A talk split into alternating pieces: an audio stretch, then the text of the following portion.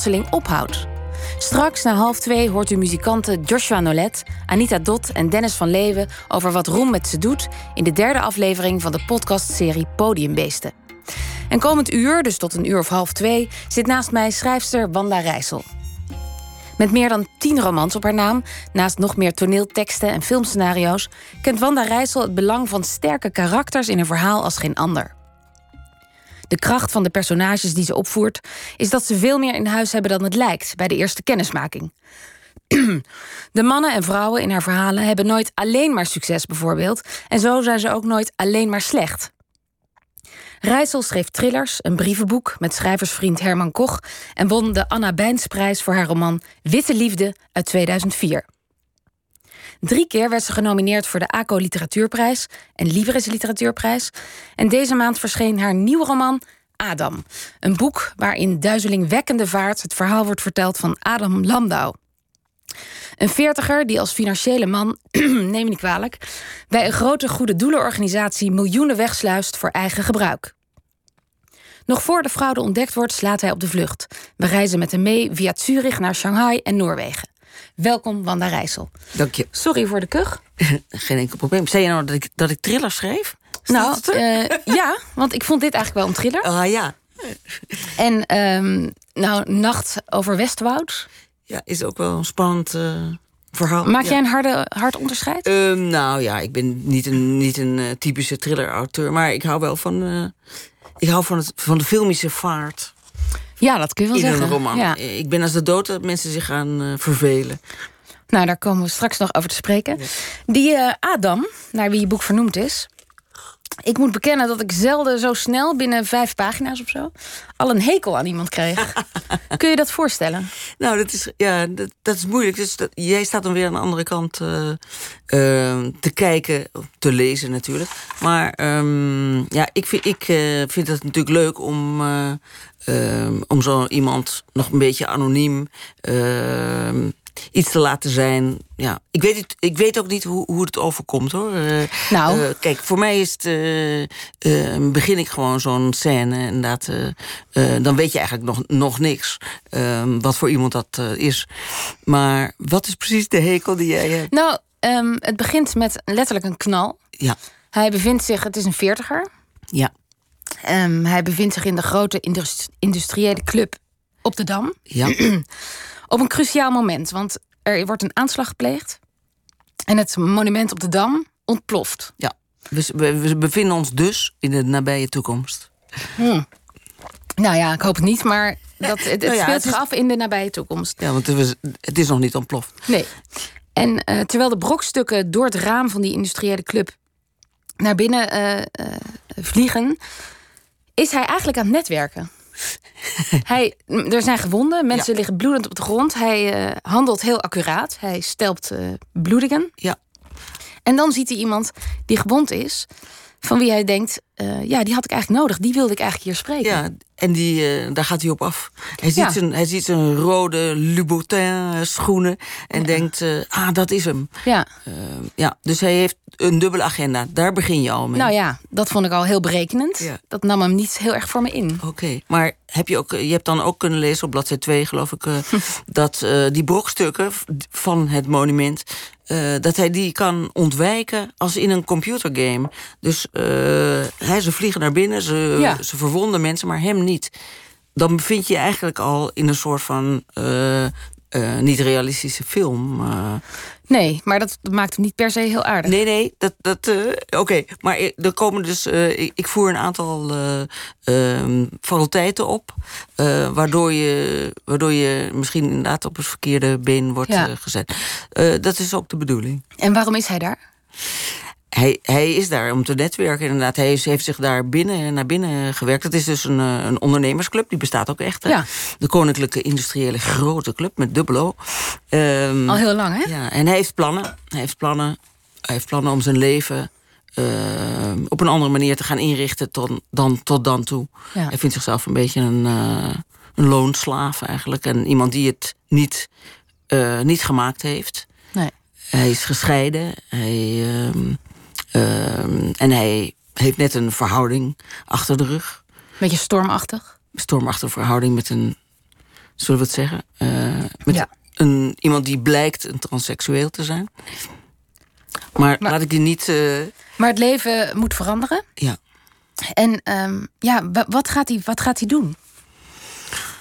Eh, wat hij gaat doen is dat het. eh, dat hij, hij wil een radicale breuk eh, forceren. En eh, die ontploffing op een of andere manier eh, zet een soort klik eh, in gang. En ehm, hij, hij, hij denkt.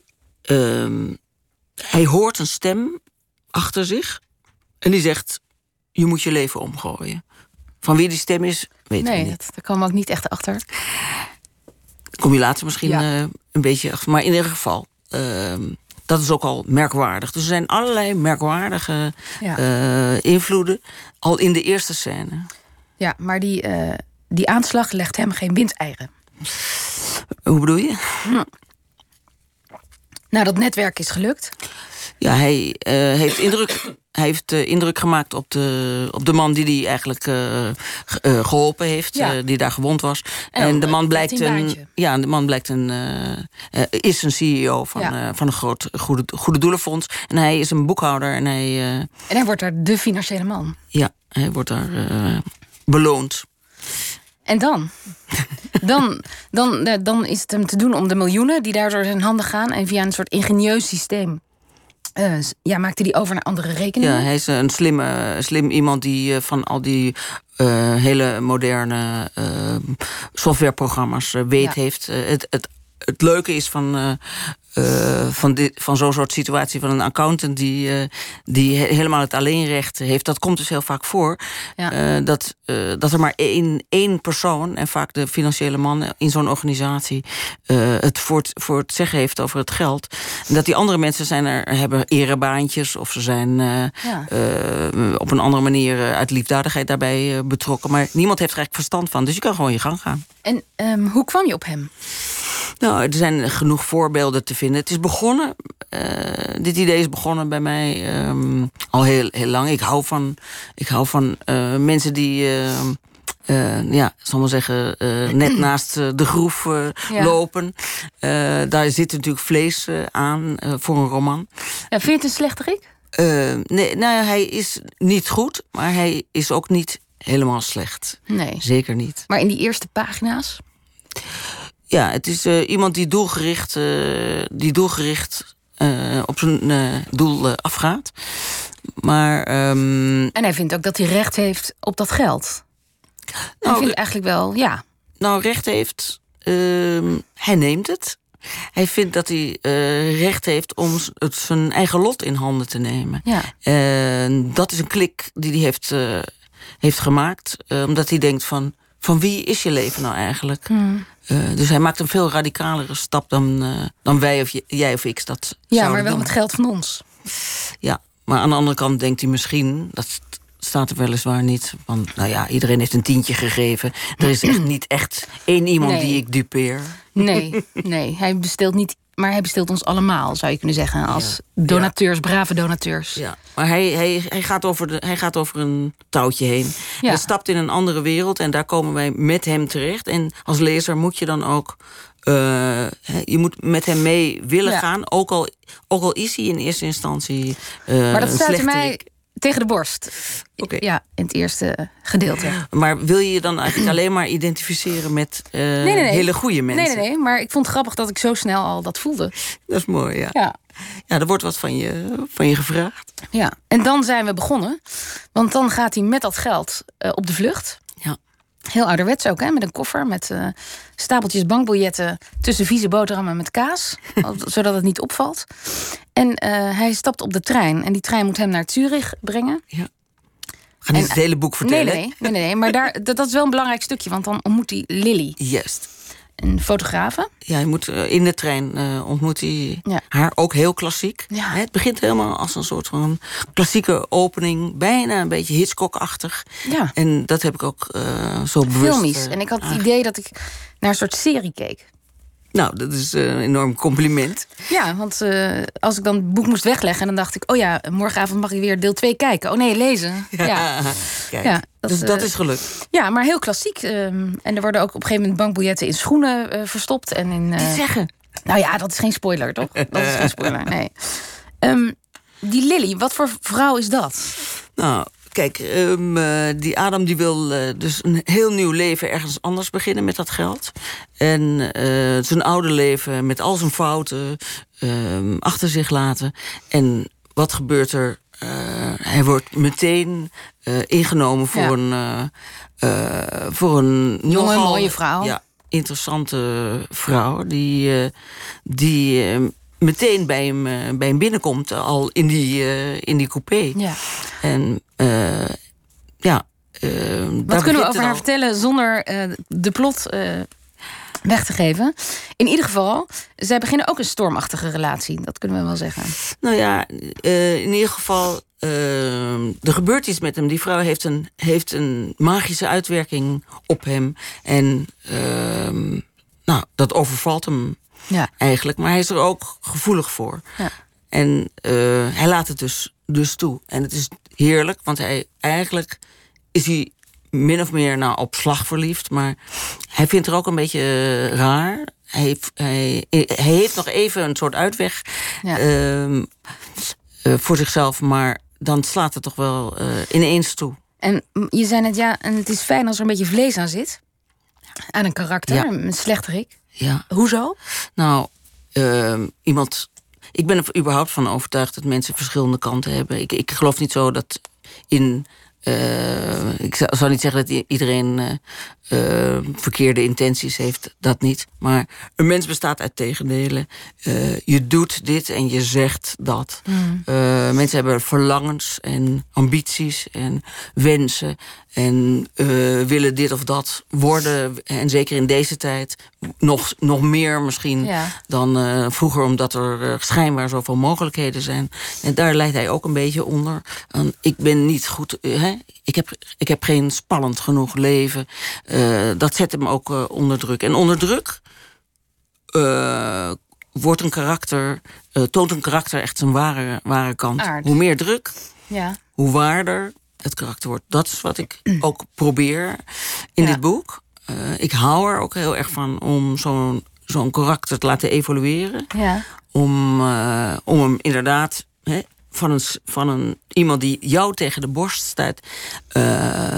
Langzaamaan uh, menselijker trekken te gaan. Nou, dat moet ik zeker zeggen, want er gebeurt heel veel. En daarmee ook mijn, uh, verandert ook mijn indruk van deze Adam. Ja, don't judge a book by its cover. Nee. Nou, dit boek toevallig wel, ja. want het heeft een mooie cover. Maar... Ja. En um, ik las ook dat je Bernie Madoff of Madoff. Ja, Madoff. Was hij een inspiratiebron? Ja, uh, dus dat idee over uh, een oplichter vind ik, uh, vind ik fascinerend. Ja, wie was hij ook weer? En Bernie, Bernie Madoff is, was een, een, ook een financiële man in, in Amerika... die dus met een soort piramidespel Um, he, waarmee je de ene, ene gat met het andere vult. Jarenlang uh, mensen en instituties heeft opge, opgelicht in Amerika. Ja, voor 65 miljard of zo. Hè? Ongelooflijk veel. En um, nou, dan fascineert mij dus uh, hoe kan iemand zo lang daarmee doorgaan? Hoe kun je elke dag uh, gaan slapen? Ja. Um, wat gebeurt er in iemand? En kennelijk heeft hij er uh, heeft hij een manier gehad, of oh, zo zit hij in elkaar, dat dat, dat allemaal uh, weggedrukt werd. Mm, uh, ja. En dat hij ging ook ging geloven in zijn eigen, in zijn eigen almacht. En dat, zo zit de geest ja. ook, ook in elkaar. De menselijke geest is een, is een enorme rijkdom. en heeft heel veel verborgen hoeken en gaten. En daar doe ik mijn voordeel mee. En heb je dat altijd gevonden, dat mensen twee kanten hebben? Altijd gezien? Ja, ik heb ik heb dat denk ik al vanaf heel jongs af aan uh, ervaren. Ik heb al uh, van jongs af aan uh, gevoeld dat er ehm, slechte mensen in de wereld waren. Ja. Ehm, dat, dat komt ook door mijn familiegeschiedenis natuurlijk. Mijn ouders zijn ondergedoken geweest in de oorlog. En ik Joodse hoorde, familie? Een Joodse familie. En ik hoorde al heel jong natuurlijk hoorde ik nou, iets over grootouders uh, die uh, kennelijk uh, dood waren gegaan in de oorlog door, door de nazi's. En werd dat dan verteld als doodgaan of vermoord? Nou, dat, ik, ik, hoe ouder ik word, dat is wel grappig, hoe ouder ik word, uh, hoe minder ik denk dat mijn ouders eigenlijk zo, uh, in, in, uh, in die termen erover gesproken hebben, hebben. Dat ik pas veel later, dat ik misschien 12, 13, 14 was, ja. toen pas echt de toedracht en de feiten heb gehoord. Maar op jonge leeftijd, zoals 5, 4, 5, 6-jarige leeftijd, uh, weet, je, weet je toch al iets? Uh, heb je wel iets opgevangen en is je wel iets verteld over, ja. uh, over de oorlog? En merkt een kind dat of hoort een kind dat? Ja, dat, nou dat is. ik, ik, ik kan natuurlijk niet bewijzen dat ik, dat, ik, dat ik dat gehoord heb, maar ik, ik ben er bijna wel zeker van dat ik daar, me daarvan bewust was. en dat, dat maakt je dus uh, geeft je al heel jong een wereldbeeld dat er iets helemaal niet deugt in de wereld. In de mens. En in de, en in de mensen. En dat er ook veel gevaar is. Dat je moet oppassen. Dat is iets wat je ook doorgegeven krijgt. Dat, is, dat hoeft dus niet eens letterlijk uh, gezegd te zijn. Maar er is een bepaald mechanisme werkzaam uh, in uh, dit soort families. Ja. dat geldt niet alleen voor Joden, maar voor heel veel mensen die, die trauma's hebben opgelopen. en dat wordt op een manier van de ene generatie op de andere toch doorgegeven. En het hoeft niet eens met woorden, dus? Nee, het is heel wonderlijk. Het, uh, uh, hoe het werkt, uh, weet ik niet. Maar um, het wordt toch, uh, het wordt toch, de ouders zijn ongeruster bijvoorbeeld, meer dan andere ouders. Je mag bepaalde dingen niet. Je, en dat voel je allemaal als klein kind. En was dat bij jullie thuis ja, zo? dat was ook zo. Op wat voor soort manier? Nou ja, Pas op voor mensen, was dat een beetje... Ja, denk twee keer na voordat je iets doet. Uh, um, er zijn, ja, er zijn uh, ook nare mensen op ja. de wereld. Kijk uit. Ehm, het, aan de andere kant, er was, uh, ja, er was steeds een, een uh, of niet steeds, maar jullie zijn als kinderen, jullie zijn waardevol voor ons, omdat er andere mensen verdwenen zijn. Dat is toch een gevoel wat je heel, ja. uh, wat je heel vroeg al uh, ervaart. Maar wat, ja. wat, wat ik de laatste tijd steeds meer denk, is um, dat ik door The Sound of Music, komt oh. ook in het boek voor de film Sound of Music, ik heb hem misschien wel drie keer gezien, denk ik. En ik was, ik was uh, acht in 1963 toen hij uitkwam. Daar zit ook een hele uh, uh, um, enge scène in. Dat de familie van Trap met al die Zeker. kleine kinderen. Jij in, kent dat, in dat klooster ja. zich moet verstoppen voor de nazi's. Ja. ja. En eerlijk gezegd denk ik dat uh, mijn uh, vroegste beeld van wat de oorlog uh, was, gevormd is door de Sound, Sound of Music, Music en door die scène, dat die kinderen moesten zich achter die zerken ja. in het klooster inderdaad uh, verschuilen. Uh, verschuilen. en dan worden, werd er met zaklantaarns geschenen. Dus dat is wat op een kind van 7, 8, 9 jaar indruk maakt. Het is heel concreet beeld ook. Absoluut. Dus ja. die film die heeft eigenlijk mijn, mijn hele beeld van, van de oorlog ja. gevormd. Maar als je zegt dat je opgegroeid bent met een soort waarschuwing. Een soort waarschuwend karakter had die opvoeding. Van ja. de mensen zijn zeker niet goed.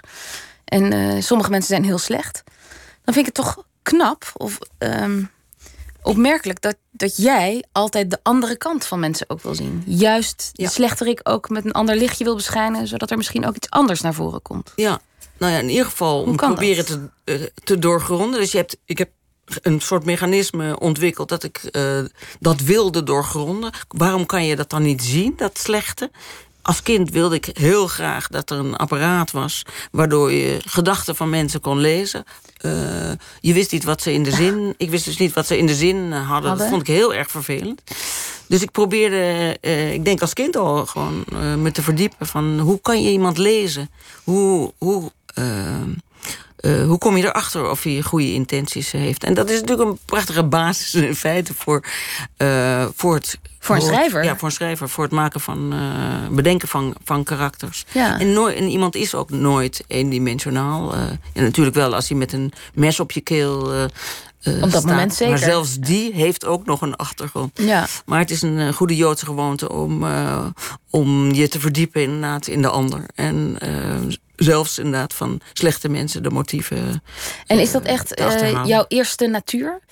Als er nieuws is over, nou, een, noem eens een iconische slechterik. Joran van der Sloot. Ja. Die als een beest afgeschilderd is Omdat hij, uh, nou niet alleen daarom, maar hij wordt onder andere verdacht van de moord op Natalie Holloway, ja. meisje op Aruba. Ja. Denk jij dan meteen? Ja.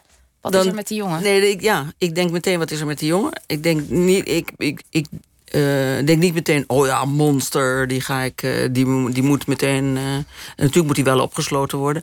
Maar ik wil weten waar, waar wat zit erachter? Waar, ja. waardoor komt zo iemand tot zo'n daad? er zijn natuurlijk heel veel gestoorde mensen op de wereld. Dat, en die, dat kun je zeggen, ja, die kunnen er eigenlijk niks aan, aan doen. maar um, stel je voor dat hij iets minder gestoord is, dan wil ik toch weten van hoe zit zo iemand in elkaar? Hoe kan, wie zijn die ouders? Uh, hoe is ja. iemand opgevoed? Is het niet eerder uh, ontdekt dat het een rare jongen was? En moeten we dat lezen? Zeg maar dat, dat, dat andere, de andere kant van de ander altijd zien en zoeken. Moeten we dat zien ook of interpreteren als een soort verzachtende omstandigheden? Nee, dat hoeft niet. Maar het gaat me wel uh, primair om begrip. En een begrip die zo dicht mogelijk bij de waarheid kan liggen. En dat, dat uh, omdat het onmiddellijk veroordelen uh, van iemand met de paar feiten die je hebt, wat een grote sport is in deze tijd. ik, ja, daar, ik ben niet van die school. Ik, nee. ik wil heel veel informatie hebben om, om, om, om ook gewoon de menselijke soort te begrijpen. Ja. En uh, veroordelen, dat kan nog altijd. En natuurlijk moeten mensen een terechte straf hebben als ze. Maar het is ja. heel moeilijk. Het is ook uh, moeilijk. Uh, ik denk dat mensen die andere mensen vermoorden, ja, daar is ook heel veel mee, Aan de mee hand. los. Ja. En, en ik las dat je dat ooit tegendenken hebt genoemd. Ja, dat, dat zal inderdaad. Mooie term. Ja. Nou ja, ja. Ik, ik stel altijd mijn oordeel uit. uit. En uh, ik denk dat dat voor heel veel mensen uh, uh, een goede les zou, ja. zou zijn. Maar in, er wordt je heel vaak om een snel oordeel gevraagd. wat is je mening? vind je het niet schandelijk? Ehm, nou, dus, en jij brengt dat in verband, dat tegendenken en dat niet snel oordelen, met de geschiedenis van jouw familie. Ja. En ik dacht, ja, hoe verhoudt zich dat eigenlijk met dat verhaal van de Tweede Wereldoorlog? Want voor Nederland is dat zo'n periode geweest waarin goed en fout de kaders werden. Ja. Dus je zou ze kunnen denken, nou ja, goed fout, daar zit geen grijs tint tussen. Juist. Nee, nou, het is. Uh, uh, het is natuurlijk wel uh, ons, of mijn, van mijn generatie, ook nog het morele eikpunt ge geworden, de Tweede Wereldoorlog. Je merkt steeds meer als je jonge mensen spreekt, echt twintigers, Ja. dertigers soms, die, die dat helemaal niet meer hebben. maar die ook een soort naïviteit, naïviteit denken dat dat mensen eigenlijk niet zo slecht kunnen zijn. Kunnen zijn. Ja, dat is, dat is in andere landen zo, maar, maar hier niet. Um, maar wat was je vraag ook weer? Nou ja, dat juist in die Tweede Wereldoorlog ging het zo over goed en fout. Ja, en je was of goed na de Tweede Wereldoorlog of fout. Ja, nou ja, daar, daar, daar, daar zitten natuurlijk een heleboel kanten, kanten aan. Uh, ja. Uh, als je. Maar ik, ik vind het zo, nou ja, verlicht als je op basis van die ervaringen kunt denken... ja, maar er is Ja. altijd een reden Ja, waarom iemand ja, iets dat is gedaan. niet om te vergeven, maar eh, ik, kan me, ik kan me heel goed indenken dat eh, iemand eh, bang is of niet overweegt om onderduikers op te nemen, omdat het, al heel, omdat het gewoon gevaarlijk was. Ja. je- ook als onderduikgever natuurlijk niet, geen, niet gevaarloos was. Maar ehm, eh, ik vind, en de mensen die het wel hebben gedaan, nou, die waardeer ik natuurlijk dan hoogelijk. Want het is eh, ongelooflijk moedig. Ja. Maar ehm, ik ben er natuurlijk ook niet zelf bij geweest. Maar ik, ik, eh, zo zwart-wit eh, eh, ligt het niet altijd. Eh, je, moet wel eh, proberen mensen zo op, of jeugd zo op te voeden dat, eh, dat er iets als moed of verzet Ja. of kritisch eh, beoordelen bestaat. Want bij jouw grootouders, eh, die doken onder in Amsterdam.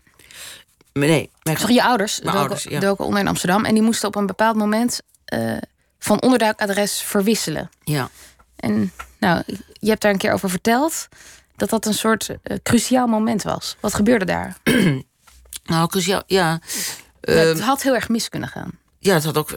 ze, ze moesten van het ene adres naar het andere, omdat ehm, ehm, wat bij ons thuis de achterlijke vrijer van de achterlijke dienstmeid ehm, een brief had geschreven aan, de, aan, de, aan de SD. en die brief is, was onderschept door het verzet, weliswaar. dat is natuurlijk heel erg mooi dat er allemaal verzetsmensen bij, uh, bij de posterijen uh, werkte. Maar daardoor. Dus uh, een brief die over verraad ging? Ja, die, die zei op die dat en dat adres ja. zijn, wonen Joden. ja, wonen, zijn Joden ondergedoken bij dokter die en die.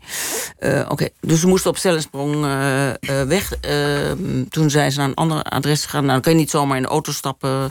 Er was geen benzine. Um, en toen hebben ze dat gedaan op het moment dat het concertgebouw uitging. Um, om tien uur s'avonds waren veel mensen in Zuid op de been. En uh, ah. ze gingen van het Oosterpark, liepen ze, moesten lopen naar Zuid, naar de Amazonestraat.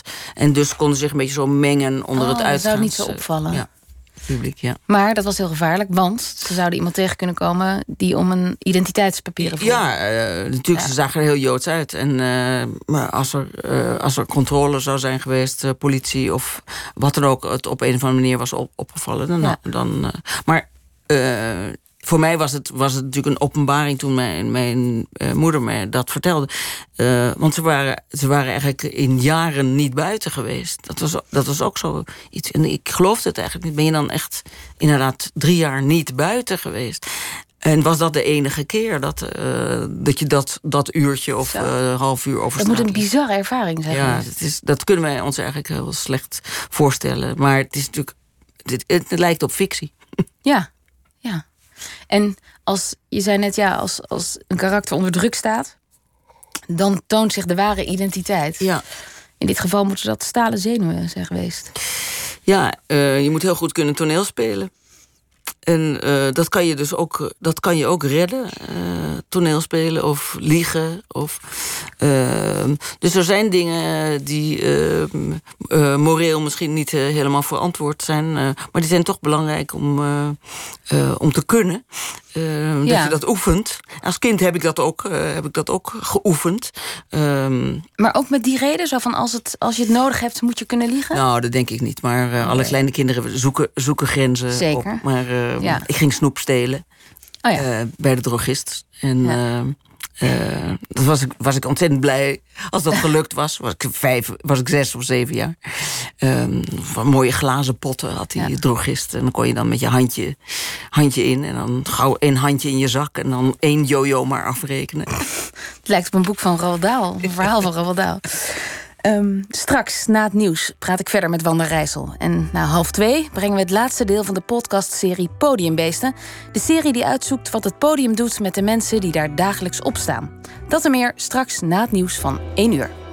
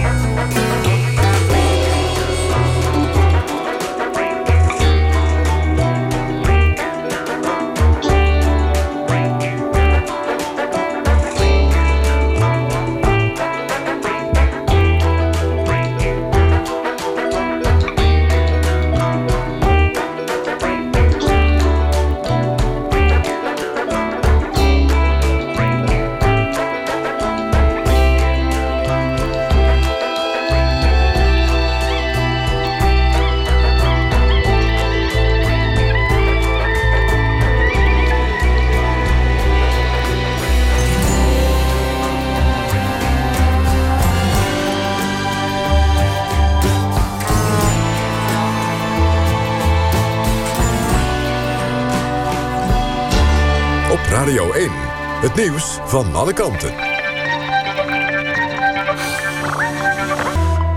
1 uur, Frits Hemmelkamp met het NOS-journaal. Het UWV heeft op grote problemen bij het controleren op frauduleuze aanvragen voor uitkeringen. Dat blijkt uit een groot aantal onderzoeken die minister Koolmees van Sociale Zaken en Werkgelegenheid naar de Tweede Kamer heeft gestuurd. Zo vindt er amper nog controle plaats bij de aanvraag van uitkeringen. Bewijsstukken en onderliggende gegevens worden niet meer opgevraagd... en pas in de vierde maand van een lopende uitkering... vindt er een fysieke identiteitscontrole plaats. Een belangrijk deel van de problemen wordt veroorzaakt... door de online dienstverlening van het UWV. Die is versneld ingevoerd in verband met bezuinigingen. Maar het risico dat mensen onterecht een uitkering krijgen uitbetaald... is daardoor vergroot. Afbeeldingen van kinderidolen mogen binnenkort niet meer op verpakkingen van ongezond kindervoedsel staan. Dat staat in de nieuwe reclamecodecommissie voor voedingsmiddelen. Op producten voor kinderen jonger dan 7 jaar moeten de afbeeldingen van bijvoorbeeld Dora, K3 en Frozen helemaal verdwijnen.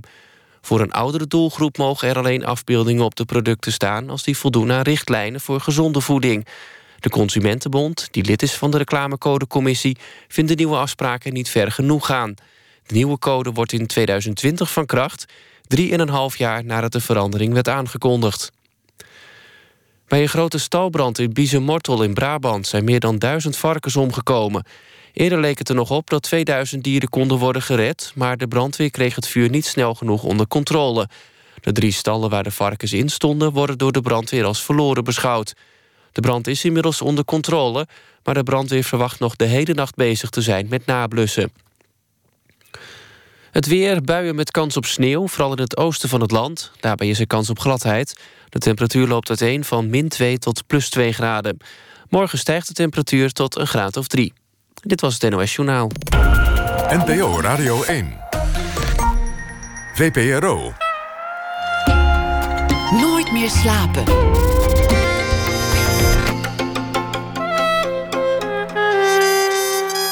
Met Liesbeth Staats. Welkom terug bij Nooit meer slapen. En naast mij zit nog steeds Wanda Rijssel. Vanwege haar nieuwe boek Adam. En voor het nieuws hebben we het onder meer gehad over de aantrekkingskracht van slechterikken. Haar eigen manier van tegendenken. Ja, we waren al helemaal in de Tweede Wereldoorlog beland. Ja. Terwijl het vertrekpunt toch het boek was. Ehm, ja, je zei ja, aan, aan iedere slechterik of boef of zo zit een interessante kant en ook een andere kant. En toen kwamen we bij die Tweede Wereldoorlog uit. We moeten het nog even over het boek hebben, want eh, we waren nog maar net uh, uh, gestart met het verhaal. Um, als hij vlucht, hè, dan probeert hij zijn geld veilig te stellen en een soort ideaal na te reizen van zijn nieuwe leven. Ja, hij wil. hij, wil hij, hij is op de vlucht inderdaad, maar hij, hij wil vrij zijn en hij fantaseert over uh, ja. ja. waar zal hij zich gaan uh, vestigen. Maar hij gaat eerst nog. Uh, hij gaat eerst nog op, zoek, op bezoek bij zijn, zijn broer. jongere broer. Met wie er een, nou ja, een niet zo makkelijke relatie is. En dat heeft heel veel oorzaken, maar er wordt heel veel over hun jeugd gesproken. Ja. Het jongere broertje heeft altijd het idee gehad dat zijn oudere broer, deze Adam, hem dwars zat. Ja. En dan is er ook nog een noodlottig ongeluk met hun moeder geweest, waarbij Adam achter het stuur zat. Ja. Dat verwijt zijn jongere broer hem. Maar um, wat ik ook opvallend vond, is dat de scheiding van Adam, dus hij heeft dat leven in Amsterdam achter zich gelaten.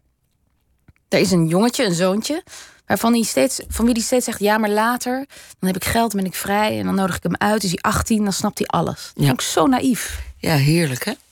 Ja. maar uh, ja. Uh, Zo'n sentimenteel idee van ja, ja als, als maar, ik straks op dat eiland zit met een palmboom. Nou, niet alleen sentimenteel, het is natuurlijk ook het, uh, gewoon een, ration, een, rationalisering van het feit dat je een, dat je een kind uh, eigenlijk in de steek laat. Ehm, en denkt, later als ik me goed voel, dan, man tot man, spreken we dan. Ja. Uh, en dan wordt alles uh, mooi. Ja. Dus het is ook zichzelf een beetje een rad voor ogen draaien. Ja. Uh, maar hij, hij ziet dus een. Uh, nou, hij ziet gewoon. Hij fantaseert. Mensen hebben verlangens en hebben wensen. En hij fantaseert uh, dat hij misschien een, schapen, met een schapenboerderij in Nieuw-Zeeland gaat beginnen. En dat zijn zoon hem daarbij komt te helpen. ik denk dat, dat veel mannen die in die positie verkeren. dat soort ideeën ook, ja. ook hebben. Dat is ook helemaal niet. Dat is niet erg. Maar. Ehm, ik, ik verdenk ehm, mannen wel van dat soort eh, sentiment. Ja, nou, hij gaat naar Shanghai, naar zijn broer. Die broer die zet daar het familiebedrijf voort, wat ooit van zijn vader was. Dat is een bijzondere plek, dat Ja. Shanghai. Kun je vertellen waarom? Ehm, nou, de wijk waarin ja. eh, hun Ja, familie zeker. heeft gewoond. Ja, de, de ouders van Adam en Robert, zijn broer, eh, zijn als, als eh, kinderen van eh, 10, 11 jaar ehm, daar terechtgekomen in het ghetto van Shanghai. En niet veel mensen kennen, kennen het verhaal van het ghetto van Shanghai. Ik had er nog nooit van gehoord. Nee. Eh, maar het is een bijzondere verhaal, eh, omdat ehm, eigenlijk allerlei st- havensteden in de wereld, Amerika en Kluis, Cuba, ehm, hadden hun poorten gesloten voor Joden die op de vlucht waren in 1940, 39, 40. eh, natuurlijk voor de nazi's. Ehm, en werden dus overal geweigerd, net zoals de vluchtelingen nu eigenlijk. En ehm, een van de eh, allerlaatste vrijhavens was Shanghai.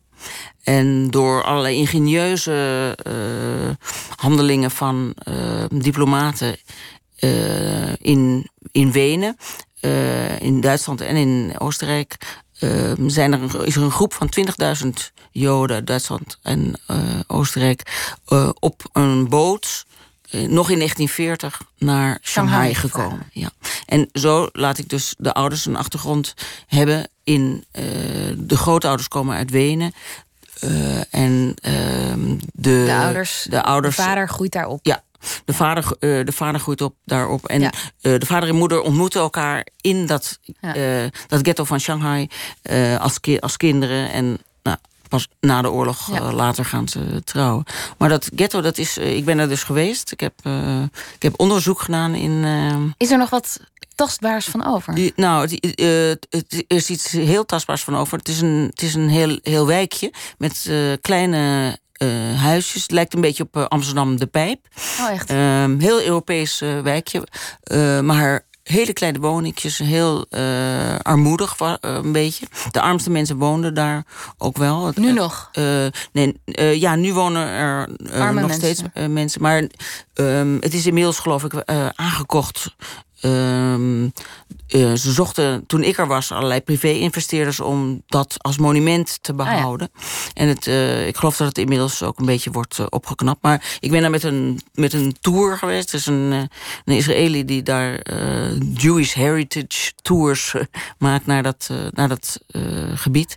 En ehm, ja, die hele wijk is er, is er nog. En je kan je daar wel iets bij voorstellen. Het is eh, moeilijk. Maar die mensen hebben daar, die 20.000 Joden hebben daar gezeten. eh, van 40 tot 45. En hebben daar ook, ook eh, echt een dorpje gemaakt in die wijk. Er, was, waren drukkerijen. Er werden Duitse kranten ge- Een hele gedrukt. Jiddische kranten gedrukt. Er waren eh, bakkerijen. eh, er was een. eh, er was niet heel veel. Er was niet heel veel eten. Maar ze maakten er wel wat van. Een samenleving, Ja. een kleine En samenleving. ze waren. Er was wel armoede hoor. Er was, het, was, eh, eh, het was niet makkelijk Nee. voor die mensen. Maar in dat milieu, en daar is ook een hele mooie documentaire over gemaakt. met overlevenden daarvan. En ehm, eh, daar heb ik dus eigenlijk die familie op geënt. Ja, en het is voor hen, familie, een beladen plek. Ja, het is een beladen plek, maar de, de vader heeft, eh, heeft wel... ehm, die heeft een, een leerbedrijf. En, Leerlooier. ja, leerlooierij. Ehm, en daar ehm, luxe goederen worden daarvan eh, gemaakt. En ehm, uiteindelijk heeft hij, heeft, is begonnen wel in Nederland. En eh, heeft het verplaatst naar Istanbul en uiteindelijk naar Shanghai. Omdat Ja. ze daar ook iets minder eh, nou, nemen met de, met de Mensen- eh, en milieu, eh, Ja. ja, wetten. En wij leren Shanghai kennen door Adam die naar zijn broer gaat. Ja. Nou, maak even een sprong. Het gaat niet heel goed tussen die twee. Ja. En de verstandhouding wordt niet eh, heel veel warmer. Adam moet doorvluchten, want hij is de hele tijd bang. Ja, nu hebben ze toch wel door dat ik al die miljoenen heb verduisterd in Nederland. Ja, hij wacht er eigenlijk op het moment dat dat, dat, dat duidelijk wordt. Ja, eh, in vage er- internetcafeetjes googelt hij zijn naam... en googelt hij eh, of er al iets bekend is over een grote fraude in Nederland. Ja, hij, eh, dat is toch iets wat, wat een groot deel van het, of een deel van het boek, Ja. in ieder geval zijn, zijn omkijken is. En op een bepaald moment, ja. Eh, laat hij dat. En eh, ehm, dan is hij ver genoeg weg om Ja. eh, dat, hij, dat hij denkt: nou ja, dat, dit, dit, ze weten niet waar ik gebleven ben. En het decor van Adams reis is een decor vol aanslagen. Want na het monument op de Dam volgt nog de, de Fernseh-tour in Tourn in Berlijn. Ja. De toren van Pisa. En in Londen, wat was ook weer de... Nelson, Ja, ja, ja. Trafalgar Square. Fallische symbolen. Ja, dus- Waarom heb je dat... eh, heb je die gekozen? Eh, nou, ik, ik wilde dus een. eh, eh, het, boek start dan met die knal op de dam. En ik wilde een, eh, eh, een beweging eh, eh, op gang eh, brengen van, van eh, mensen die dus eh, allerlei.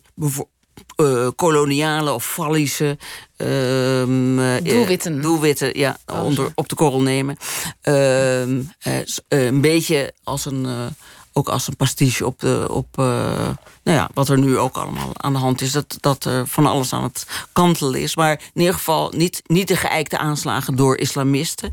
Maar juist door waarschijnlijk antiglobalisten of feministen. Of een ander soort isme eh, Ja. eh, wat we nog niet kennen. Dat wordt pas helemaal op het eind duidelijk. Ja. Gaan we nu ook niet Nee. spoilen. Maar ehm, het feit is dat Adam uiteindelijk naar Noorwegen trekt. Zijn vriendinnetje Lily. Ja, dat is niet helemaal duidelijk, maar ze houden elkaar een beetje aan het lijntje. En op het laatst houdt Lily Adam vooral aan het lijntje. Van ja, ik kom, ik kom, ik kom Ja, het is, het is een beetje zoals een eh, vakantieliefde eigenlijk. Hè. Hij heeft haar kort on- ontmoet. Eh, hij is eigenlijk meteen voor haar gevallen. En het is een hele aantrekkelijke eh, en vooral seksuele, eh, erotische uitstraling heeft ze.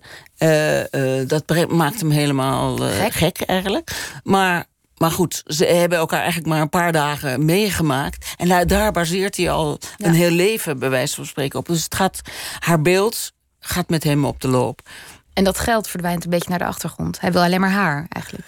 Ja, hij wil, nou ja, hij wil met dat geld en met haar een gedroomd leven eh, beginnen. ja. Het is ook allemaal in een, in een soort bijna f- eh, eh, Nou ja, idee. Ja, spro ja voor hem, ja. Ja, ja. Wat hij zich in zijn- sprookje, nee. Nee, nee. wat hij zich in zijn hoofd had. Nou, en dan komt hij uiteindelijk komt hij in, dat, in dat Noorwegen terecht... omdat zij hem daarnaar heeft eh, gedirigeerd. Ja. Eh, en daar duurt het wel erg lang voordat hij eh, komt. Nou, de reden daarvan gaan we nu ook niet... Nee, gaan we ook niet weggeven. Maar er gebeurt met Adam wel iets in Noorwegen. In dat afgelegen nou, plaatsje, nog niet eens een plaatsje. Hij moet passen op een soort camping die in de zomer actief is. En in de winter vrijwel onbereikbaar, afgelegen. Ja. En wat gebeurt er daar met hem? Nou, hij raakt eigenlijk in een isolement. En kijk, laat hem een soort van odyssee eh, eh, maken. Hè? De grote reis waarin hij, waarin hij eigenlijk zichzelf dwingt om over zijn verleden na te denken. Over al zijn banden eh, met zijn familie, met zijn broer, met zijn moeder, met zijn, de familiegeschiedenis. Wie is hij? Wie is hij nou eigenlijk? Wie, wat wil hij? Eh, wat is de essentie van zijn leven? Ben je ook zonder je familie, ben je dan iets? Hoe beïnvloed ben je, ben je door eh, de geschiedenis bijvoorbeeld? Wat is, wat is nature, wat is nurture? Ehm, hij, dus hij heeft eindelijk de tijd, of hij dwingt eigenlijk zichzelf om eh, over eh, na te denken wie hij nou in essentie zelf is. En door het, hij komt in een isolement terecht. En wordt teruggeworpen op zichzelf. Ja. En, Op de en- basics van ja. de natuur. En Ja, dus die, die, die oplichter, die gladje aan is van het begin, komt steeds meer dichter bij eh, zijn kern. Ja. Eh, en tegen die tijd had ik weer meer sympathie voor hem. Dat is zeker waar. ja. En ehm, daarmee bewijs je dat de slechterik ook meer is dan de slechterik. ja. Wat iemand in eerste instantie eh, lijkt, inderdaad. En Ja. probeer ik hem. Ik eh, trapte er helemaal in. Ik, ik vond hem eerst echt een, eh, een eikel eigenlijk. Was Ja. een beetje slappe zak. Dat- Maar je moet dan, als lezer moet je namelijk je, je verhouden tot wat inderdaad, tot, tot zijn handelingen, tot zijn morele, immorele eh, besluiten, Ja. eh, tot het soort karakter die hij is. Je leert hem eigenlijk steeds beter kennen. Ja. Eh, en daar, als je je verzet van, van bladzij 5, dan, dan wordt het moeilijker. Maar ik dwing je eh, hopelijk Zeker. eh, mee te manoeuvreren, mee te laveren. Ja. Eh, en te kijken ook hoe, hoe het is als iemand van die zo'n beslissing neemt om aan de andere kant van de, van de wet te gaan staan. En wat er dan Wat de in hem consequenties omgaat. zijn. Ja. Ehm, je zei, ja, slechterikken of mensen met een, met een slechte daad of zo, die zijn fijn voor een schrijver. Familie ook, zei je, is goed studiemateriaal. Ja. Nou ja, alles, eigenlijk? Iedereen is studiemateriaal. Nou, ja, familie heb je natuurlijk eh, fijn eh, onderhand bereik. Eh, Maak je lang mee? Ja. Ja. Maar, maar ehm, nee, zeker. Ehm, dat, zijn, dat zijn eigenlijk je eerste st- studieobjecten. Ik bedoel, eh, ik zat er graag als er, eh, als er bijvoorbeeld visite was bij eh, ons thuis. of een feest. Dan zat ik graag in een hoekje of onder een tafel af te luisteren Ja. wat, wat daar gebeurde. Want ik wist zeker dat daar nog een hele andere wereld achter zat dan, dan mij als kind werd, Voorgespiegeld. werd voorgespiegeld. En, Ik las een paar keer dat je uit een anarcho-liberaal artsengezin uit Amsterdam-Zuid kwam. Ja. Wat is dat? Nou, ehm, dat is precies wat het is, een eh, anarcho-liberaal eh, artsengezin. Ehm, eh, nou, Nou, dat een- artsengezin snap ik. Ja, en liberaal ook nog wel, maar de combinatie anarcho. met de combinatie met Ja. anarcho. Ja. Kon alles bij jullie? Nou, niet alles, maar wel heel veel. En dus ik heb, een, eh, ja, ik heb het geluk gehad dat ik een eh, bijzonder eh, eh, vrije en rijke opvoeding heb genoten. Dus ehm, je moest je wel aan een aantal dingen hou- houden. Ik moest wel om 12 uur thuis zijn toen, ik, toen ik 16 was. mocht niet in Paradiso blijven hangen, bijvoorbeeld. Ehm, en je moest je handen wassen voor het eten. Maar verder kon er, kon er ontzettend veel. En mijn ouders hebben gewoon na de oorlog eh, ook gedacht van... we gaan, we gaan het vieren, we gaan... Ja. eh, we gaan ook aan. onze kinderen... eh, nou, ze hebben ons niet echt dood verwend of eh, dood geknuffeld hoor. Maar ehm, er was ook een zeker, zekere gestrengheid. Maar ik heb, het, ik heb het als enorme vrijheid ervaren. We woonden aan het Vondelpark. Ik mocht daar eigenlijk niet in. En ik, ik had daar een paradijs. En ehm, Want je schetst nu een hele fijne jeugd. ja. Ehm, maar er was ook wel nou, een soort trauma. Want jullie oudste broertje overleed ja. toen hij Ik- 12 was. Dat is heel, inderdaad, eh, dat is heel paradoxaal. Ik was, daar, ik was heel jong, ik was drie jaar toen eh, mijn broer op Curaçao een... eh, ja, want jullie het gezin woonde eerst op Curaçao. Daar Ja. ben je ook geboren. Ja. ja. En hij kreeg een fiets. Hij was twaalf en hij eh, is met zijn fiets onder een vrachtauto terechtgekomen. Heel onfortuinlijk en verschrikkelijk. Ehm, eh, dat is absoluut een. eh, behalve de oorlog is dat een. is dat een heel vreselijk iets geweest. wat de familie ook wel beheerst heeft. Maar niet altijd. En ik heb het zo. Zeker achteraf eh, zo ontzettend sterk gevonden van mijn ouders. Dat ze, eh, ze desondanks ons eh, zo'n vrije en vrolijke jeugd ook gegeven Ja. hebben. Ehm, dus dus de veerkracht, de veerkracht van enorm. mijn ouders was, was enorm, ja. En- Maar dat anarcho, ja, eh, we woonden in een groot huis en eh, je moest ook een beetje jezelf eh, vermaken. Ehm, er werd niet constant op je gelet. Ik, ik, er waren kinderen waarmee ik, speelde en die ouders, die moeder keek altijd in van wat moet je nog voor huiswerk doen en zo. Terwijl van ons werd gewoon verwacht dat we dat deden. En ze gingen niet achter Niet van alles aan. Dus ja, ik, ik heb dat als heel, Ja. heel erg prettig ervaren. Maar eh, toen je 21 was, overleed je vader. Ja. En daarover zei je in een interview... ja, ik was eigenlijk wel klaar met hem. ja, ik, dat was, eh, het was heel onverwacht. En, ehm, maar ik heb wel eh, inderdaad, tussen mijn 16e en mijn 21ste eh, heel veel goede gesprek met mijn vader eh, gehad. En ehm, hij begreep de tijd niet helemaal. Het waren de jaren 70. En hij was nogal patriarchale man. En ehm, niet heel, in- heel autoritair, maar toch wel echt wel. eh, Ja. een, eh, en ook wel een beetje een uh, macho man. Ja. Ehm, en toen kwamen de democratische. Precies, de democratisering kwamen op gang. En wij wilden dat in het gezin ook. Uh, we gingen familieberaad houden. Um, en we wilden inspraak over welke lampen er boven de eettafel hing. Oh. En waar de televisie stond. En, en, dat botste dan? Ja, nou ja, hij liet het wel toe, maar ehm, enfin. Ja. Hij hij heeft het zich toch wel braaf aangepast. Maar uh, in feite uh, begreep hij de tijd niet, niet goed meer. Hij begreep niet waarom wij in uh, flodderkleding met scheuren liepen. Ehm, terwijl nou, hij, hij had gezorgd. Ja, hij had gezorgd. Ja, we waren gewoon een, een, rijk gezin. Wat dat allemaal kon betalen. Daar kon hij, daar kon hij vinger niet achter krijgen. Um, maar goed, ik heb heel veel, heel veel aan mijn vader te danken. En, gehad. Ik heb uh, echt leren denken door mijn vader. Was een, en hij stelde ook wel eisen aan, dat, eisen aan mij en, dat, en het denken. En um, zag ook veel in mij. Uh, zij wandelde. Ik was 16 of nee, ik was 12. En toen zei hij: jij, jij wordt schrijfster of journaliste. En ik schrijf het nu op deze uh, constatering, ik leg het in de safe. Uh, en over, uh, over vijf jaar maken we het open en dan kijken we of ik gelijk heb gehad. Oh, dat is een hele vooruitziende blik. Hij kende jou heel goed. Dus. Nou ja, kennelijk zag ja. je toch wel. Ja. Zag je daar wat. Gebruik je die familierelaties um, in al je werk? Nou, niet altijd de familierelaties, maar um, het, zijn wel, het zijn wel hele hele basale gegevens inderdaad. Eh. Ja.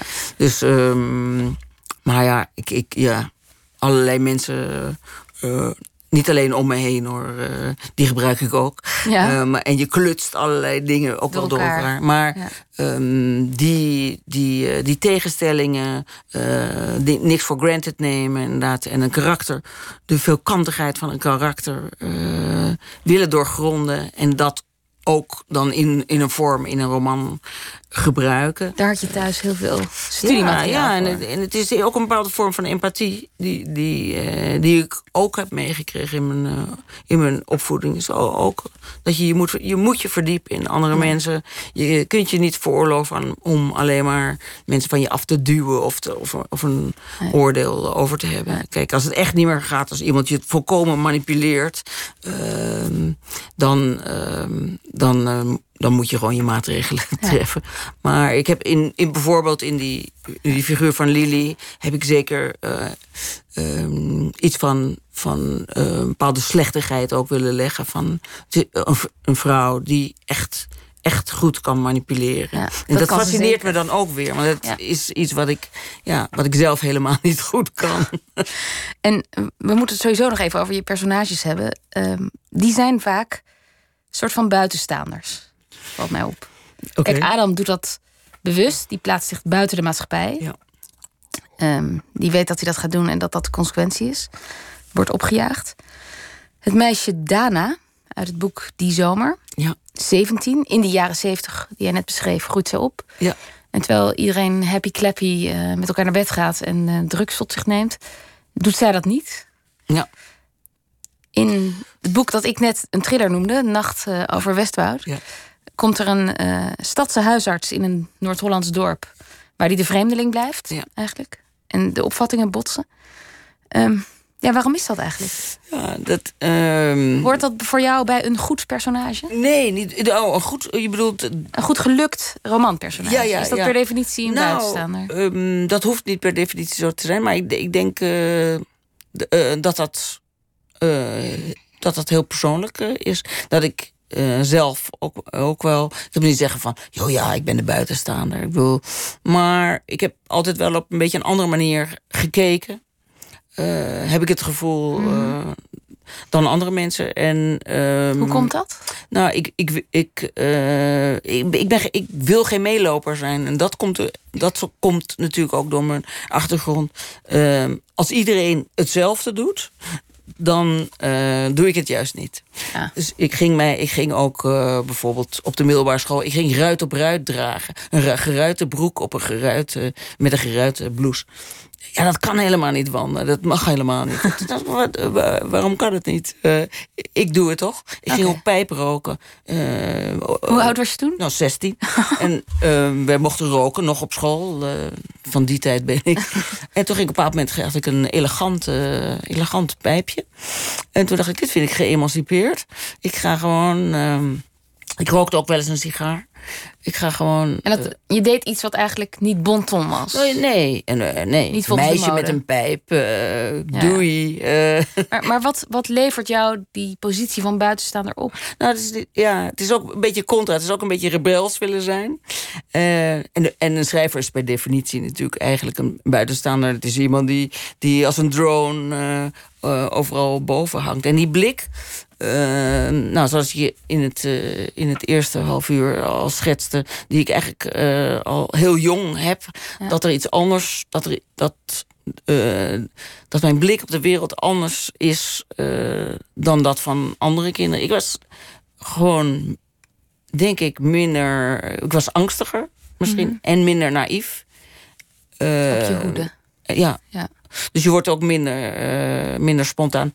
Ehm, ik ging ik moest altijd eerst de kat uit de boom uh, kijken.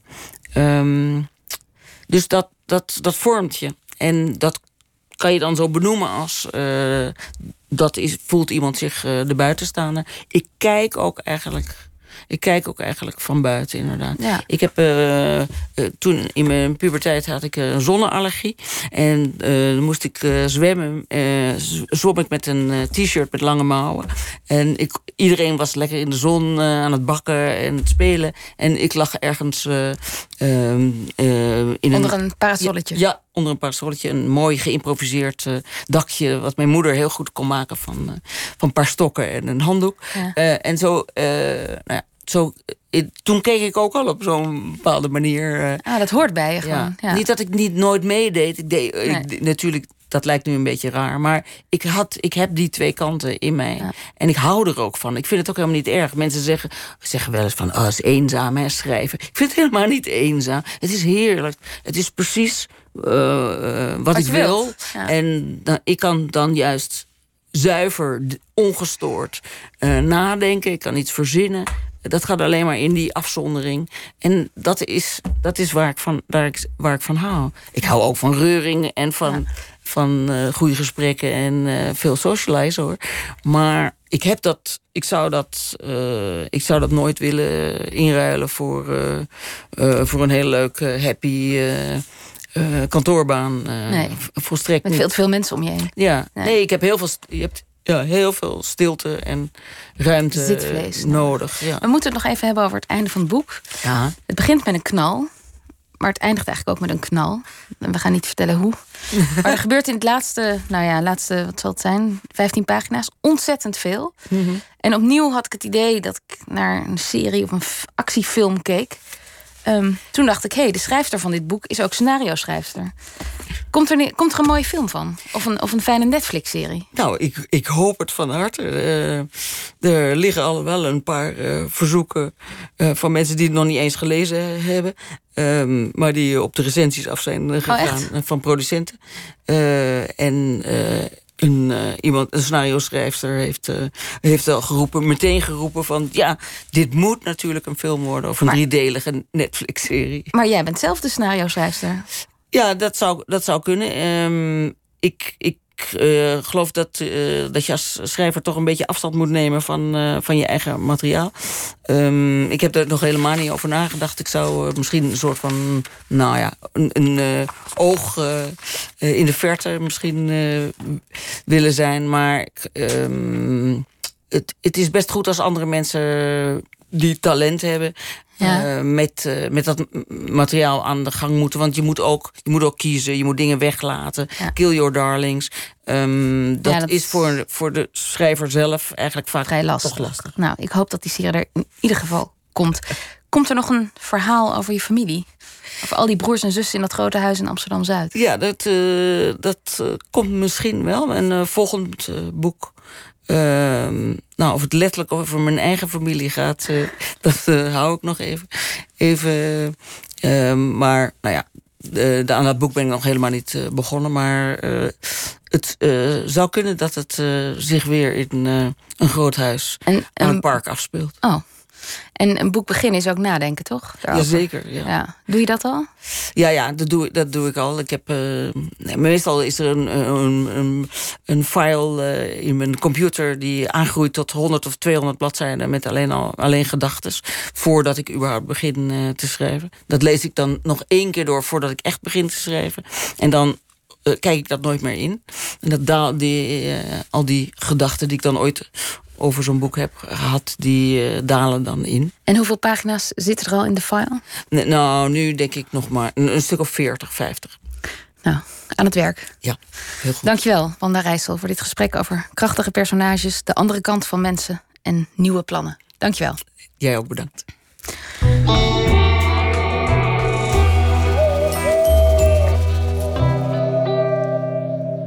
Mavica is een Spaanse singer-songwriter. Voor het liedje Plastic Hearts kreeg ze hulp van niemand minder dan Luke Pritchard, zanger van The Cooks. We gaan luisteren.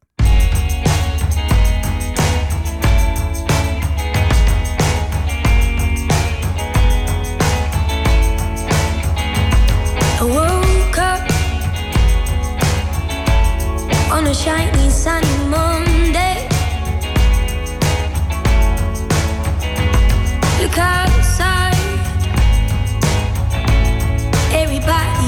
En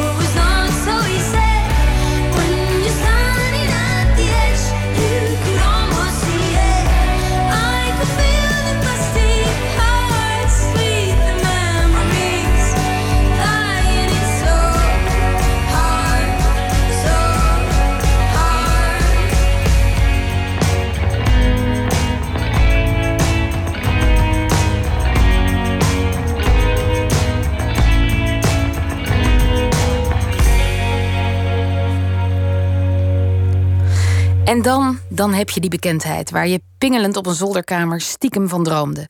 Hordesfans die je fantastisch vinden, reizen over de hele wereld. Wat gebeurt er in het hoofd van een muzikant die beroemd wordt? En wat als die roem ophoudt? Daarover vertellen zangeres Anita Dot, voorheen Too Unlimited, Joshua Nolet, frontman van Chef Special, Dennis van Leeuwen, oud-gitarist van Kane en nu bandmanager, en de mannen van Saint-Tropez, die hun vorige band, Go Back to the Zoo, van de ene op de andere dag de nek omdraaiden. De podiumlichten gaan aan. Een zaal vol met publiek, recensenten en verwachtingen wacht op je. Acteurs, cabaretiers en muzikanten zijn het gewend om midden in de spotlights te staan. Maar eigenlijk is het een raar beroep. Bekeken worden door al die mensen die ergens op hopen, iets van je vinden, die je een beetje denken te kennen. In de podcastserie Podiumbeesten zoomen we in op de mensen op het podium. Hoe is het om daar te staan?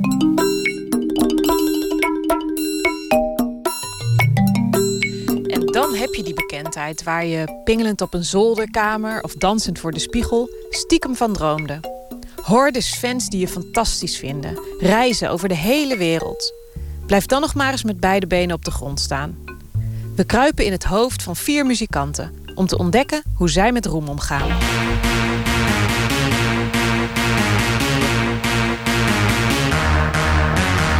Anita Dot reisde samen met Ray Slijngaard de wereld over als Tour Limited. Als klein meisje wist ze het al. Ik wil beroemd worden. Dat was echt helemaal mijn droom. En ik, uh, ik wist het eigenlijk soort van gewoon zeker. Ik ga later beroemd worden. Ja, echt heel raar. Maar uh, dat had ik wel, ja. En het erge is dat ik het zo diep in mijn hoofd had geprent... dat ik gewoon op de middelbare school ook echt niks uitvrat.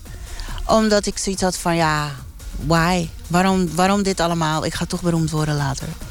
ja, stom hè? Dennis van Leeuwen was oprichter en gitarist van de band Kane.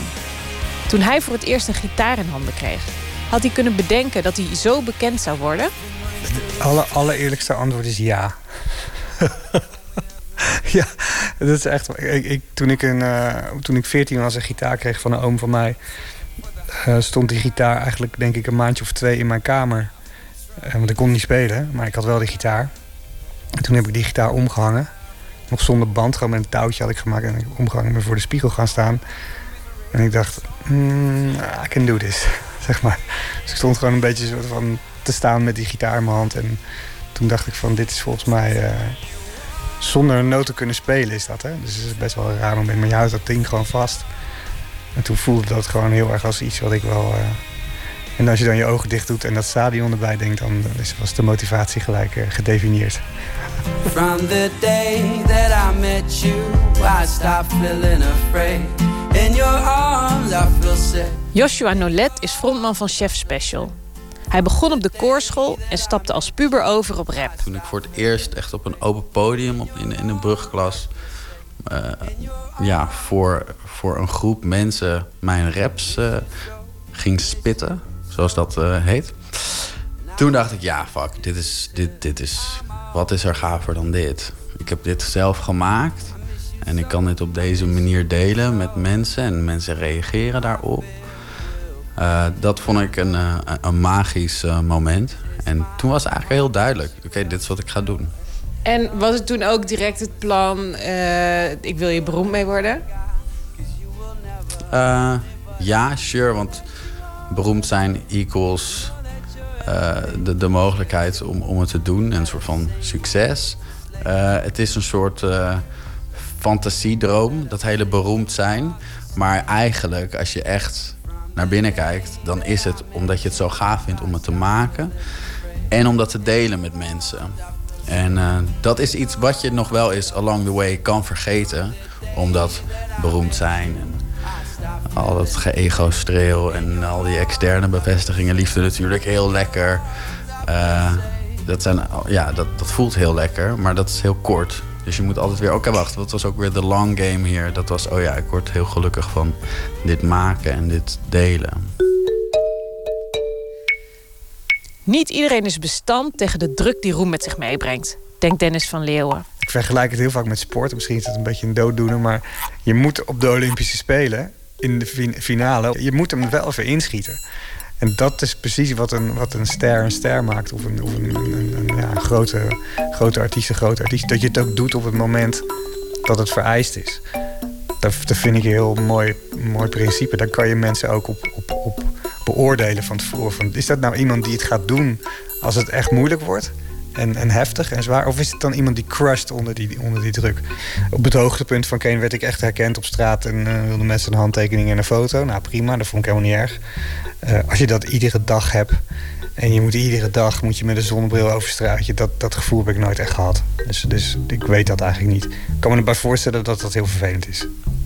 Maar, want ik denk dat Dinant dat wel had. had, had hij het daar, hadden jullie het daar dan over? Vond hij dat vervelend? Ja, dat is op sommige momenten in je leven kan dat heel vervelend zijn als er, als er dingen gebeuren waar, waar, waar je eigenlijk geen zin hebt om met andere mensen te praten. In zijn geval als een vrouw overleed. Ja, dan, dan is dat natuurlijk vreselijk. Maar dan gingen we ook weg. Dan zorgde je dat je dat, uh, dat, je dat kon vermijden? Nou, dan gingen we gewoon naar, naar een ander land. De vader van Joshua Nolet was bang dat hij niet geschikt zou zijn voor het artiestenbestaan. Hij zei: Het is een wereld die veel draait om ego. En, um, en dat vond hij gevaarlijk voor mij. Hij, um, hij zei van ja.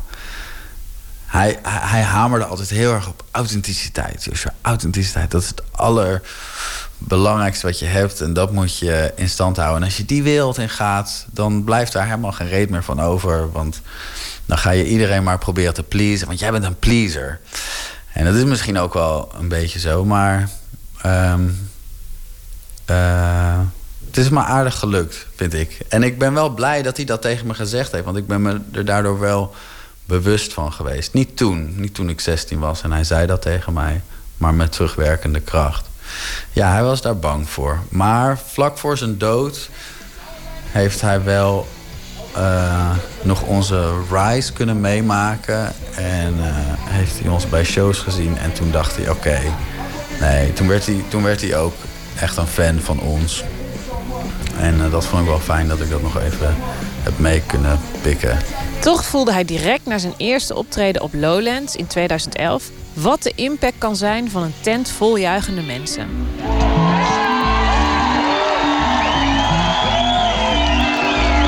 tijdens die show, daar gebeurde iets op het podium en in het publiek... waarbij er zo'n hoog energielevel was. Weet je wel, dat, dat het voelde alsof iedereen op hetzelfde level zat. En warm en zweterig en gewoon gruizig. Het was gewoon echt een hele lekkere show waarvan je... En ik weet nog heel goed dat ik daarna ook, denk ik, twee dagen soort van niks meer over had. Alsof ik alles had gegeven op het podium. En dat ik terug in Haarlem kwam en dat ik... Weet je wel, bijna alsof je een soort pilletje had genomen... en je hebt, je hebt even last van die downer, weet je wel. Uh, en dat was ook voor het eerst dat ik dat uh, uh, ervaarde op, op, op die manier. Was na die Lowlands show. Dus het gaf heel erg veel. En tegelijkertijd... ja, dat je daarna ook moest je er gewoon even van bijkomen. Ja, dat was toen, toen direct al. Dus na één show merk je wat het met je doet als er zoveel mensen voor je staan te juichen. En nou ja, een paar dagen later niet meer. Ja, ja en ook hoe. Uh, um, ja, zeg maar hoe, hoe, hoe, meer jij ontvankelijk bent daarvoor. Voor al die mensen. En je zet jezelf helemaal open. Hoe, en je smeert jezelf even heel dun uit, ja, dan moet je daarna gewoon, je gotta pick up the pieces again. En, maar je, je, je leert gaandeweg, weet je wel, word je daar beter in. Maar dat is een balans waar je denk ik de, rest van je leven mee gewoon mee worstelt en gewoon mee bezig bent van hoeveel je, je wil iets echts delen op het podium. Dat is, dat is wat je wil. Maar je wil niet afhankelijk zijn van alle, uh, ja, alle externe aandacht die je krijgt eigenlijk. En dat is een soort van balans die, ja, die je moet vinden. Y'all ready for this?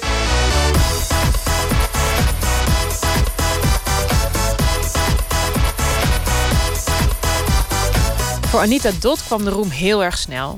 Vanaf het moment dat ze werd gebeld of ze een demootje wilde inzingen voor het nummer Get Ready for This, tot aan haar eerste optreden in Engeland zaten ongeveer drie weken. Tour Limited was direct een hit. In no time was er wereldwijde faam. Met alle gekte die daarbij hoort.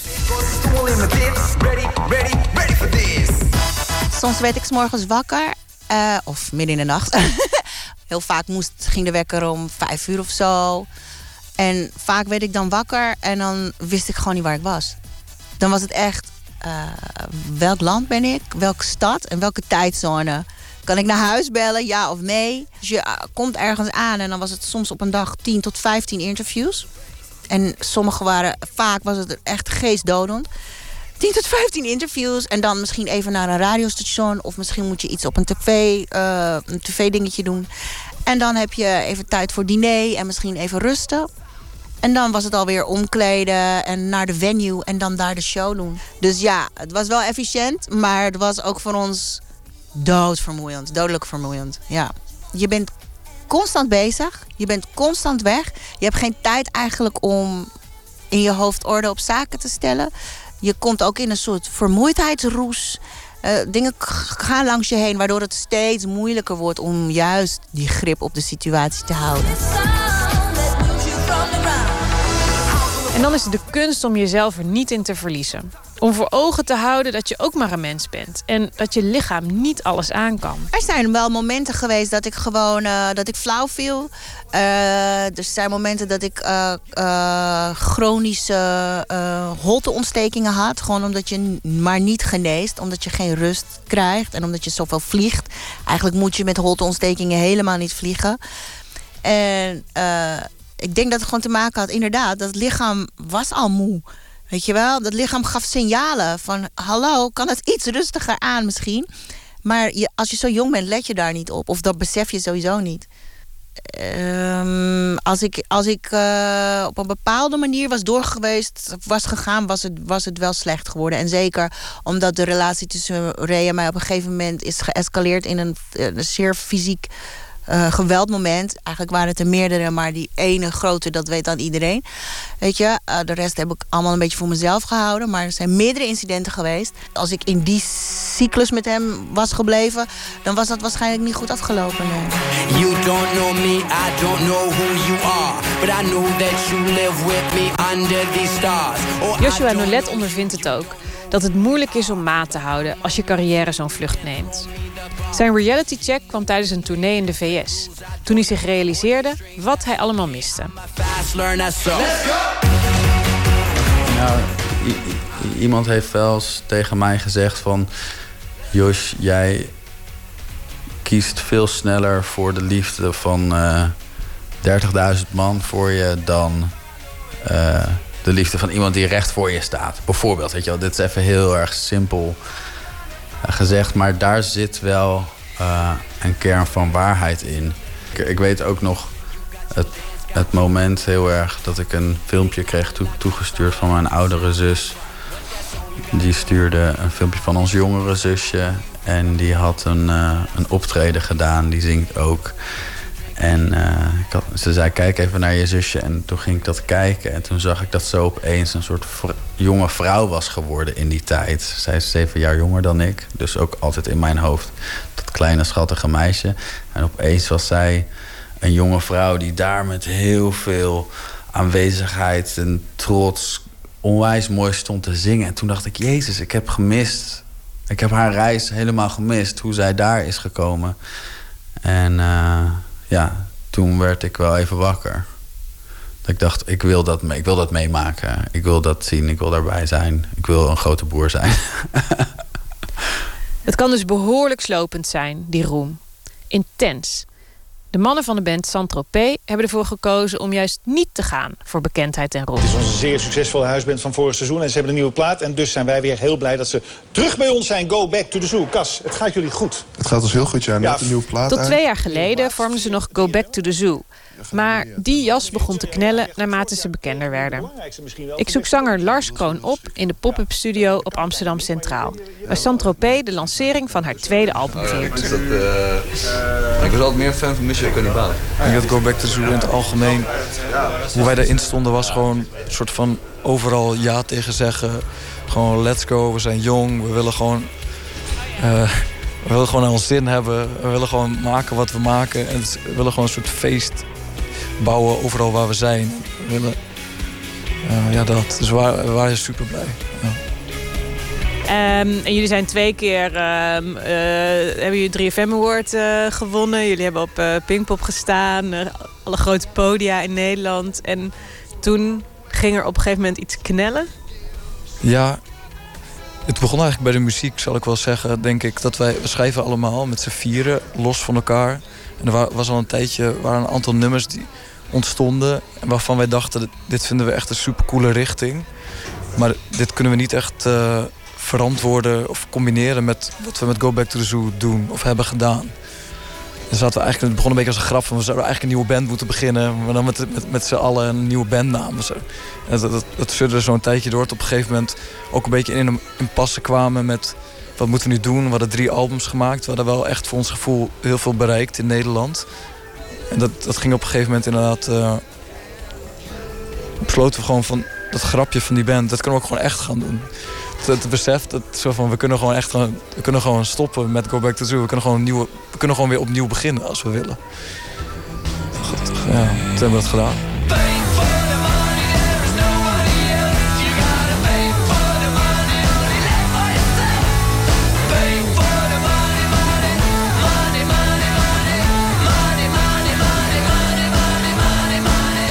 We deden het voorprogramma van John Mayer in de Ziggo Dome. En dat was, dat was echt voor ons allemaal een soort dieptepunt... waar het voor misschien voor heel veel bands een soort hoogtepunt zou moeten zijn. Op een hele afstandelijke manier optreden. Namelijk de mensen staan echt 200 meter van je af, achter hekken. Dat gebouw ziet eruit als een kantoorgebouw met TL-verlichting. Je zit in een soort kantoortje... Ja, we konden ook, konden ook niks drinken of zo. We werden ook een soort van... Uh, weet je wel, door de artiest, die had dan niet wat drinken voor ons gekocht. Dus we moesten dan zelf naar buiten toe op dat hele droevige entertainmentterreinen. Loop je daar is dit nou... Is dit dan waar we naartoe moeten of zo? Op een gegeven moment kom je tot het besef dat het alleen maar iets van... Dat, dat, hele, dat hele idee van altijd meer willen of zo... dat is niet per se altijd onze ambitie geweest. En het begin van Go Back to the Zoo... we wilden wel groeien, maar wel op onze manier. Van we willen gewoon muziek maken. En die werd gewoon opgepikt. Dat ging zo snel.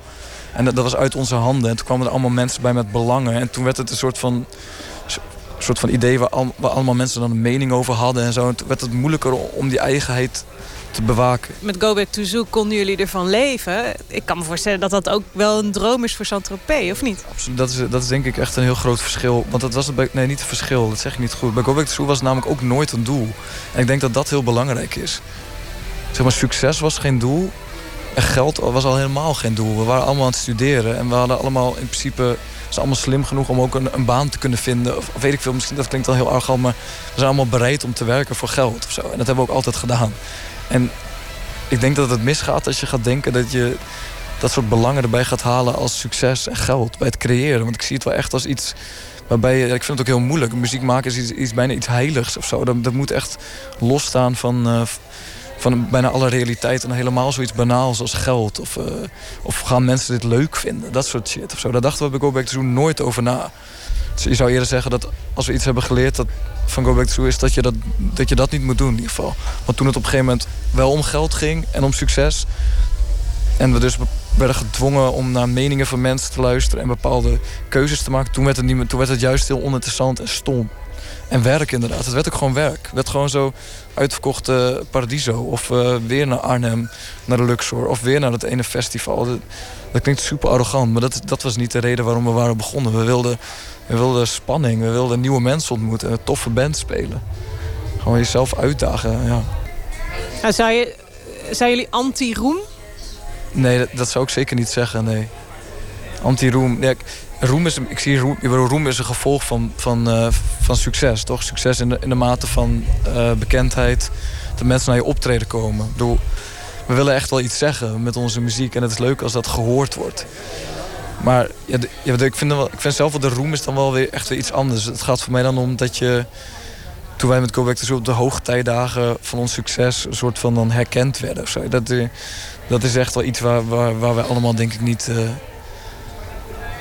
wat we allemaal super oninteressant vinden. Überhaupt de hele Nederlandse roem of zo. Dat is natuurlijk gewoon best wel bespottelijk of zo. Uh, op de foto met Marco Bassato of zo. I don't know. Ik denk dat dat ons eigen maakt. Altijd, ook met Go Back to Zoo. Dat op het moment dat wij soort van doorhebben dat we ergens naartoe aan het groeien zijn... dan willen we dat meteen alweer kapot maken. En, en weer zorgen dat het weer anders wordt. Of zo. En daarom ook die soort zelf... ik zat een te denken dat bij de P, als we nu dan weer nog daar verder in moeten... dan zou het eigenlijk moeten imploderen of zo. Een soort van, van binnenuit. Maar dat is nog een beetje een heel abstract idee. Ik zat ook te denken, hoe sick zou het zijn als dan de volgende stap van Santa P zou zijn... dat we verder gaan als strijkkwartet. Zoiets. Gewoon echt gewoon... Ja, ja, dat lijkt me zo cool. Ik ben, ik ben zelf begonnen met vioolles. Echt super moeilijk. En de rest van de band is nog niet heel enthousiast over dit idee. Maar Wie weet, weet je, dat zou toch vet zijn? Of jazz of zo, I don't know. Hoe, hoe ver kunnen we hiermee gaan? Toch, ja. Anita Dot en Dennis van Leeuwen hebben het inmiddels achter zich gelaten. De dagen dat ze dag in dag uit op het podium stonden. Dennis van Leeuwen is nu manager van een aantal bands en blij dat hij het zelf niet meer hoeft te doen. Heerlijk. Ja? Ja, ben ik echt blij om. Ik heb, ik heb gelukkig ehm, die droom toen ik 14 was, heb ik waargemaakt. Voor mezelf. En, en hebben we gewoon een ontzettend mooie ride gehad van, van bijna 17, 16, 17 jaar. Van de Kuip naar de Arena, naar uitverkochte Ahoy's, naar Parkpop, Pinkpop, uh, noem maar op. Dus, uh, buitenlandse dingen gedaan. Mooie platen gemaakt. Alles is, zeg maar, check. Ik heb, dat, ik heb die, die drang. En zou ik dat nog jaren kunnen doen? Ja, had ik nog jaren kunnen doen. Um, maar het is ook op een gegeven moment, en dit is heel persoonlijk hoor, en ik denk dat mensen daar uh, anders over zouden kunnen denken. Maar ik denk echt van, ik vergelijk het heel erg met mensen als Philip Cocu of, of, Frank de Boer. Weet je, die hebben bij Ajax gespeeld, hebben bij Barcelona gespeeld, hebben het Nederlands elftal prijzen gewonnen of bijna wereldkampioen geworden. En die zitten dan nu op de bank naar, naar een team te kijken van elf spelers die moeten voetballen. En die gasten zijn echt kapot. Maar die zitten op een bank en die zien alles. Die zien wat ze eigenlijk wel en niet goed doen. Ik heb, ik heb uh, dan in het geval van uh, Philip heb ik dat ook wel eens aan hem gevraagd. Van nou, die is gewoon, die is gewoon kapot na zo'n wedstrijd. Maar je zit gewoon, je rent niet mee. Maar je hebt je hoofd voetbal je wel mee. En ik heb dat met muziek ook. Als ik naar een band zit te kijken in Inesken... dan heb ik ook die gig gedaan, zeg maar. En dat is eigenlijk best wel vergelijkbaar met het, met het echt zelf doen. Er zit één verschil in dat je het niet zelf doet. En dat is heel jammer dat, dat, dat ik dat... Ik had heel graag met de Ineski meegedaan, want dat was de band. Als ik 25 was geweest, had ik heel graag in die band gezeten. Maar ik ben 47, dus ik moet even mijn plek kennen. Ik vind het bijna net zo leuk. Het is bijna net zo leuk. Want ik beleef het op bijna precies dezelfde manier als, als, als ik dat op mijn eigen, uh, in mijn eigen muziek had.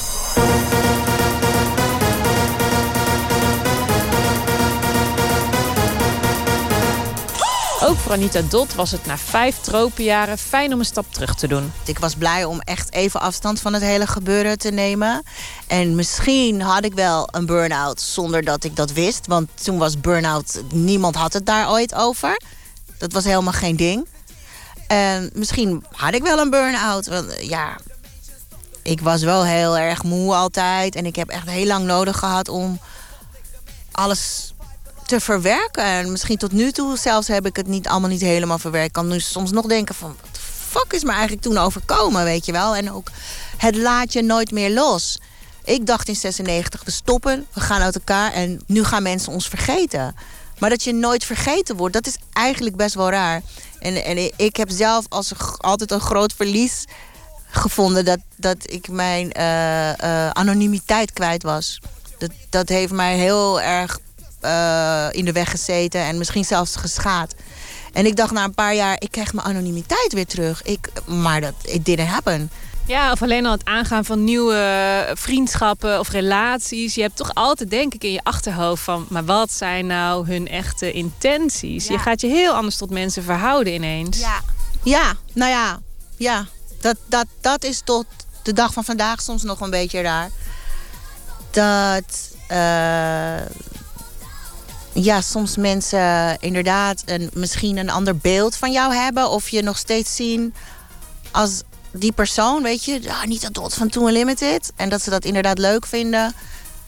Maar misschien de echte Anita niet echt willen kennen of zo. Of er al een beeld bij hebben. Dus dat is wel lastig, ja. Mhm. Ja, je bent altijd Anita van Too Unlimited. Maar ik ben gewoon Anita de vrouw, de moeder de, weet je, dat that's me also, weet je. Dus ja, ik ben, de, ik ben toch meer dan Anita van Toon Limited.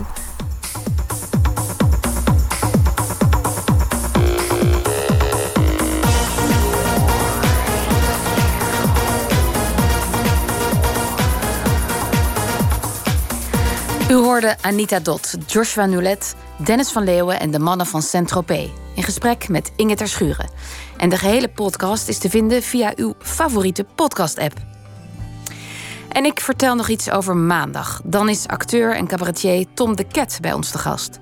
Sinds 2011 maakt hij deel uit van het theatergezelschap De Verleiders. In hun voorstellingen staan verleiding en hebzucht centraal en uiten ze kritiek op het bedrijfsleven. Zoals in hun nieuwe stuk, hashtag niks te verbergen. Over datahandelaren, privacy en geheimen. En daar is al wat over te doen geweest. Dat dus onder meer maandag. En straks kunt u luisteren naar De Nachtzuster van Omroep Max met Astrid de Jong. Ik wens u een heel goede nacht.